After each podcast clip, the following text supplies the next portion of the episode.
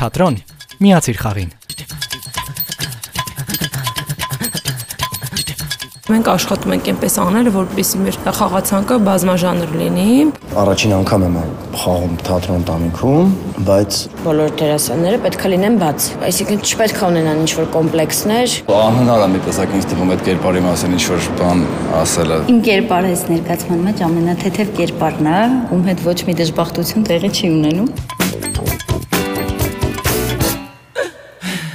Նոր թատերական հարթակների, էքսպերիմենտների, պրեմիերաների մասին պատմում եմ խստապահանջ թատերագետի ու թատրոնին սիրահարված հանդիսատեսի աչքերով։ Ողջույն, ես Արմինեն եմ։ Դու լսում ես Թատրոն ոդքասթը։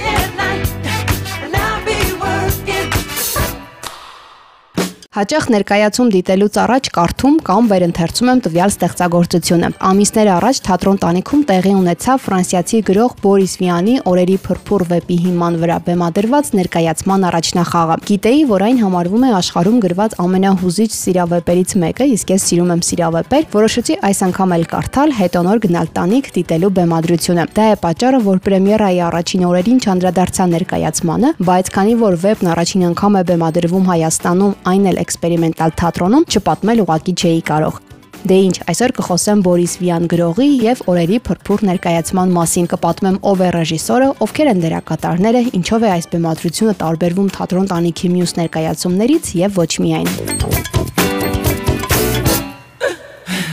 Ֆրանսիացի գրող Բորիս Վյանը հայտնի է մի շարք սկանդալային ստեղծագործություններով։ Գործունեության ընթացքում օգտագործել է 24 գրական անուն։ Գրել է 10 վեպ, բոլոր մեռածները միագույն են, կանանց անհնար է հասկանալ օրերի փրփուրը եւ այլն։ Վյանը համաձայն չէր, որ իր ես կգամ թքելու ձեր գերեզմանների վրա ամենասկանդալային վեպը էկրանավորվի։ Ամեն դեպքում 1959 թվականի հունիսի 23-ին տեղի ունեցավ ֆիլմի պրեմիերան, իսկ գրողը դահլիճում էր։ Ականատեսները պատմել են, Վյանը ֆիլմից 10 րոպե անց գլուխը դրեց աթոռի թիկնակի կինը կորցրեց գիտակցությունը։ Նա մահացավ հիվանդանոց չհասած, իսկ բժիշկները արձանագրեցին։ Նրա սիրտը չդիմացավ ֆիլմի պրեմիերայի հետ կապված հուզմունքի ալիքներին։ Ես քեզ արդեն ասել եմ, որ ես քեզ սիրում եմ եւ ամբողջի մեջ վերցրած եւ առանձին առանձին մանրամասնությունների իմաստով։ Ասում էր օրերի փրփուր վեպի հերոսներից մեկը։ Ինքնատիպ ոչ ունեցող հեղինակի այս գործը գրավում է շատերին։ Սիրավեպի հիման վրա բազմաթիվ ֆիլմեր են նկարահանվել։ Ամենահայտնին Օդրի Տոտուի, Օմար Սիի մասնակցությամբ է եւ վեպը շատ անգամներ բեմադրվել է։ Հայաստանում այն առաջին անգամ է բեմադրվում։ Ռեժիսորը Տաթևիկ Մելքոնյանն է։ Կուզեի զրուցել ռեժիսորի հետ, բայց նա Հայաստանում չէր հարցազրույցներ անցկացնելու ժամանակ, փոխարենը խոսեցի թատրոնի տնօրեն Շողեր Խաչատրյանի հետ։ Գործը կարդացել էի շատ վաղուց եւ տանիքում մի քանի ներկայացում անելուց հետո, այսինքն ունենալուց հետո հասկացա, որ այս գործը մեր հանդիսատեսի սրտին կկպնի։ Այդ պատճառով ասացինք ինչու ոչ փորձենք։ Տաթևին առաջարկեցի, ինքն էլ ընթերցեց գիրքը ու սիրահարվեց գործին։ Տաթևի հետ համագործակցությունը շատ այսպես հանկարծակի եղավ ու շատ լավ ստացվեց։ Գործի վրա այնքան արագ ենք աշխատել ու այդ արագության մեջ կարող եմ ասել, որ ոչինչ չի կորել եւ դերասանական խումբը այսպես միանգամից էմոցիոնալ առումով այսպես կպավ գործին ու սկսեցինք ջանասիրաբար այսպես ասած աշխատել։ Այսինքն մեր բոլոր ներկայացումների փորձերի ընթացքը միշտ արագ է ստացվում, դա պետք է լինի մաքսիմում 3 ամիս։ Այսինքն այս գործի վրա կոնկրետ 2.5 ամիս ենք աշխատել ու վերջ։ Ու շատ տեմպով ամեն ինչ ստացվել, որովհետև կարծում եմ դերակատարները ճիշտ են ընտրված։ Իսկ դա արդեն գործի կեսն էր։ Այն մարդիկ, ովքեր ընթերցել են ստեղծագործությունը, այսինքն լավ ծանոթ են բուն գործին, այսպես այդքան էլ չեն զարմանում, ինչու է, չգիտեմ, այսքան փոխաբերություններ եւ այլն, որտեղ գործը սյուրռեալիստական գործ է, ամբողջը փոխաբերություններ են, պետք է մի փոքր ծանոթ լինես։ Մարդիկ էլ կան, որ ուղղակի գուցե տպավորված ընդհանուր էֆեկտներից, նույնիսկ կարող եմ ասել, հայրան սրտին էլ չի կպնում, բայց ընդհանուր առումով ես ինչ որ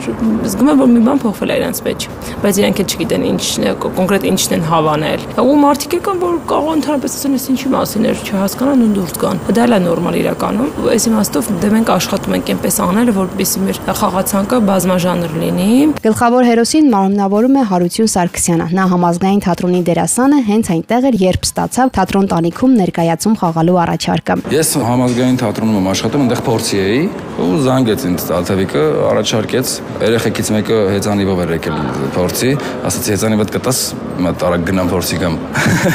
Գնացի մի խոսքով թատրոն տանիքում փորձացինակ ու այդ նույն պահին մենք փորձ արեցինք ու արդեն իսկ առաջարկը թատրոնում ինձ հետաքրքիր է, չգիտեմ, ես թատրոնում սիրում եմ խաղալ։ Եթե ինձ դուր է գալիս գործը, դուր են գալիս անձնակազմը, չգիտեմ, ես բնականաբար կողմ եմ։ Դերերը բոլորն էլ ինձ համար լավն են, հետաքրքիր են, չգիտեմ, ամեն մեկն էլ առանձնանում է, մեկը, չգիտեմ, գլխավորը մեկը չէ, բայց բոլորն էլ սիրում եմ։ Այս կերպարը բնականաբար բոլոր մյուս կերպարներից տարբերվում է։ Հնարավոր է որ նման լինեն իմ բնավորության գծերը եւ նրա ինչ որ տեղերում, բայց դրա պարտադիր չի։ Անհնար է մի տեսակ ինձ թվում այդ կերպարի մասին ինչ որ բան ասելը մի քանի նախադասության մեջ նույնիսկ Օրինակ իմ նպատակը խաղալիս նա է, որ հանդիսատեսը գնալիս ինչ որ բան իր հետ տանի, չգիտեմ, այսինքն գոնե մի քանի րոպե մտածի ներկայացման մասին, երբ որ ներկայացումից գնում է։ Այդ շատ կարևոր բան է իմ համար։ Շատ անգամներ եմ խոսել թատրոն տանիքում ներկայացում խաղալու առանձնահատկությունների մասին, բայց երկինք, քաղաքային աղմուկ, եղանակային անկախատեսելի պայմաններ եւ այլն եւ այլն։ Բժշկին մարմնավորում է տեխնիկային թատրոնի դերասան Մինաս Ասերյանը։ Նա էլ առաջին անգամ է տանիքում խաղում ու նշում է հետաքրքիր էքսպերիմենտ էր բարձրության վրա լինել, խոսել այն, որ հանդիսատեսը լսի, խաղալ ոչ թե բեմում, այլ սովորական գետնի վրա ու լինել հանդիսատեսին այդքան մոտ։ Առաջին անգամ եմ խաղում թատրոն տանիքում, բայց շատ լավ էմոցիաներ ունեմ իրենց հետ կապված, այստեղի ժողովրդի հետ կապված, թե անձնակազմը, ամբողջ տեխնիկական, թե տնօրինությունը, թե դերասանական կազմը շատ հաճելի է եղել աշխատելը։ Դժվարությունները լինում են մեկ-մեկ ընդամենը եղանակի հետ կապված, որովհետև մենք տանիքում ենք ու անձրև ամպրոպ թե ինչ ուզում է լինի, մենք պետքա խաղանք։ Առաջին անգամ ռեժիսորի հետ համագործակցությունը ինքը ինձ առաջարկեց խաղալ բժշկի կերպարը եւ ես իհարկե համաձայնվեցի իմանալով Տաթևիկի անցյալ գործերը, վստահելով իրան որպես ռեժիսոր։ Բժիշկը մարդա, որը որ իր տեղում չի ամենաառաջին հերթին ինքը ուզում է ուրիշ բանով զբաղվի ու ընդհանրապես չի ուզում բժշկությունով զբաղվի, որովհետև չի ուզում մարդկանց վատ նորություններ հայտնի։ Այսինքն ինքը վերապրում է այդ ամբողջ ցավը հիվանդի հետ ու իր համար շատ տհաճ է գալ ասել, որ գիտես դու ինչ որ հիվանդություն ունես։ Իր ցանկությունները լրիվ ուրիշ են, թող մնա, ով որ գալու է նայ ներկայացում ինքը կտեսնի ինչ է իր ցանկությունը։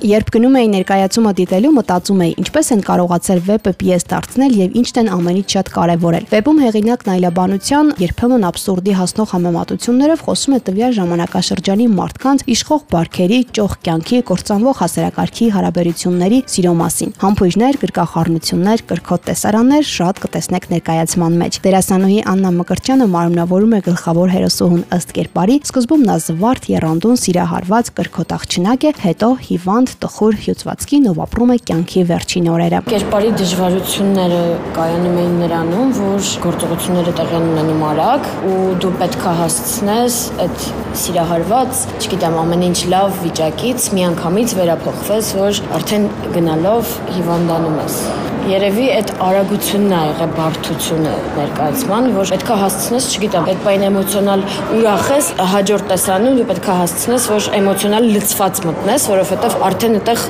ավելի ծանր տեսարան է դերասանը իմ համար, ընդհանուր բոլոր դերասանները պետքա լինեն բաց։ Այսինքն չպետք է ունենան ինչ-որ կոմպլեքսներ, անեն ինչ պետք է այդ պահին։ Ու ոչ թե անեն, որ Երևան, չգիտեմ, ժամանակակից, այլ անեն դա, որովհետև այդ պահին իրոք էտա գալիս։ Չկա հստակ, որ ռեժիսորը ասելա, չէ, ես էս եմ ուզում ու վերջ։ Միշտ քննարկումներով ա եղել ամեն ինչ, որ ոչ մեզ դիսկոմֆորտ լինի, ոչ ռեժիսորի ուզածը չլինի։ Ի տարբերություն մյուսների Սոնա Վարդանյանին ամենահեշտ կերպարն է տրվել։ Լինել բեմում, հաճույք ստանալ, վայելել միջավայրն ու դա փոխանցել հանդիսատեսին։ Իմ կերպարը այս ներկայացման մեջ ամենաթեթև կերպարն է, ում հետ ոչ մի դժբախտություն տեղի չի ունենում։ Ոնց որ Տաթևը ինձ ասաց, դու ես ներկայացման մեջ человек праздник։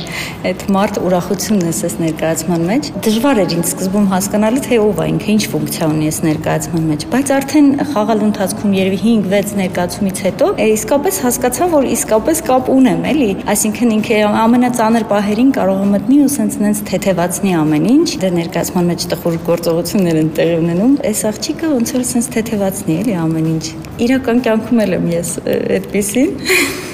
Այնպես որ ավելի շատ երևի ինձ եմ բերել այստեղ։ Հանդիսատեսը շատ սիրում է ներկայացումը, որովհետև ներկայացումը շատ սիրուն է, շատ էսթետիկ է, երաժշտական ձևավորումը շատ լավն է, շատ բազմազան, ճիշտ է, տխուր է ներկայացումը, բայց մեկը այդ շատ տխուր դեմքերը չեն ներկայացումից հետո ծափահարություններից դու հասկանում ես, որ ինչ որ բան հասկացան մարդիկ։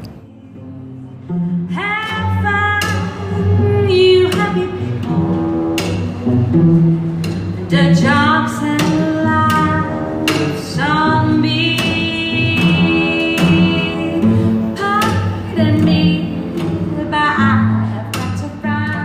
Երևանը շատ գեղեցիկ է հատկապես վերևից։ Այսօր Մարիամուտն էլ տանիքից եմ դիմավորում, յուրահատուկ գեղեցիկ է ամեն ինչ։ Եկել եմ դիտելու օրերի փրփուր ներկայացումը։ Դե ավանդական դարձած կենթանի երաժշտություն եմ լսում, գինի եմ վայելում ու մտածում եմ, այո, այս թատրոնի հաջողությունը հենց այս միջավայրն է։ Ամեն դեպքում մի բան կուզեի ասել։ Այստեղ մի քանի ներկայացումներ դիտելուց հետո նկատում եմ, որ ձայնի խնդիր կա ու երբեմն ականջս լարում եմ, որ հասկանամ ինչ ասացին։ Իհարկե դա շտկելի է ու ինչ որ առումով հասկանալի։ Սա թատրոն է էքստրեմալ պայմաններում ստեղծագործող։ Դե լավ, անջատեմ հեռախոսս, որովհետև ներկայացումը սկսվում է։ Փակիր աչքերդ ու պատկերացրու քեզ թատրոնում։ Նիկոլա, այո, պարոն, ձեր կարծիքով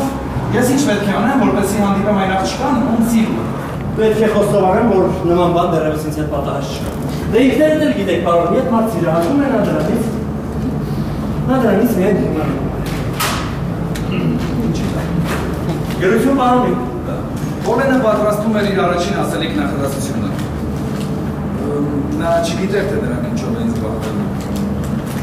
Ողջույն, դուք բավականին մտահոգ տեսք ունեք։ Դուք գոհ եք, որ տեսնում եք ինձ։ Այո։ Ինչ ուզեք անել։ Պարզապես ոսնել։ Դուք չեք ծանծրանում։ Ինչ որ բան։ Լավ բանի պատրան ես չգիտեմ։ Ավելի լավ է, եկեք պատուհաներին ներենք։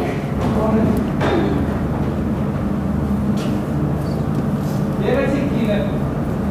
Նրա կրծքամասը մերկ էր, և մի էլեկտրական սարք ներքևից միջև վերև խնամքով մերսում էր նրա ոտքից։ Ավելի հաճելի է, երբ մերսումը ձեռքով ես։ Այդպիսի բաներից մի ասեք։ Ես չեմ սիրում այն տղաներին, որ զզվելի բաներ են ասում կանանց ներկայությամբ։ Դա մի հուսահատ ճիչ էր կողմից։ Գնանք այստեղից։ Ես էլ չեմ ուզում պատուհաններին նայել։ Գուցե պրավոտ ոսելով գնանք։ Այո, շատ լավ գաղափար է։ Հիմա այնտեղ ոչ ոք չի լինի։ Ես դա նկատի չունեի։ Դուք չեք մրսում։ Ոչ։ Բայց ամեն դեպքում ես կուզեի ձեզ մոտենալ։ Ես սիրում եմ երբ դուք իմ ողքին եք։ Քլոեն ոչինչ չպատասխանեց։ Նա միայն սկսեց քիչ ավելի արագ-արագ շնչել։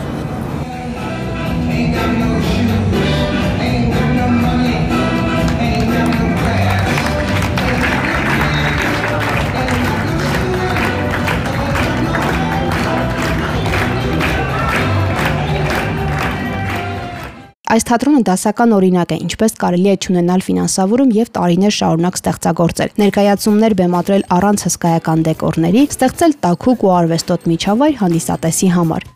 Գնացեք վայելելու երեկոն տանիքում։ Չմոռանամ ասել, թատրոն կարող ես լսել ամենուր։ Այցելին մեր կայք imradio.am կամ Apple Podcast, Spotify ու մնացած քեզ հայտնի podcast հարթակներ։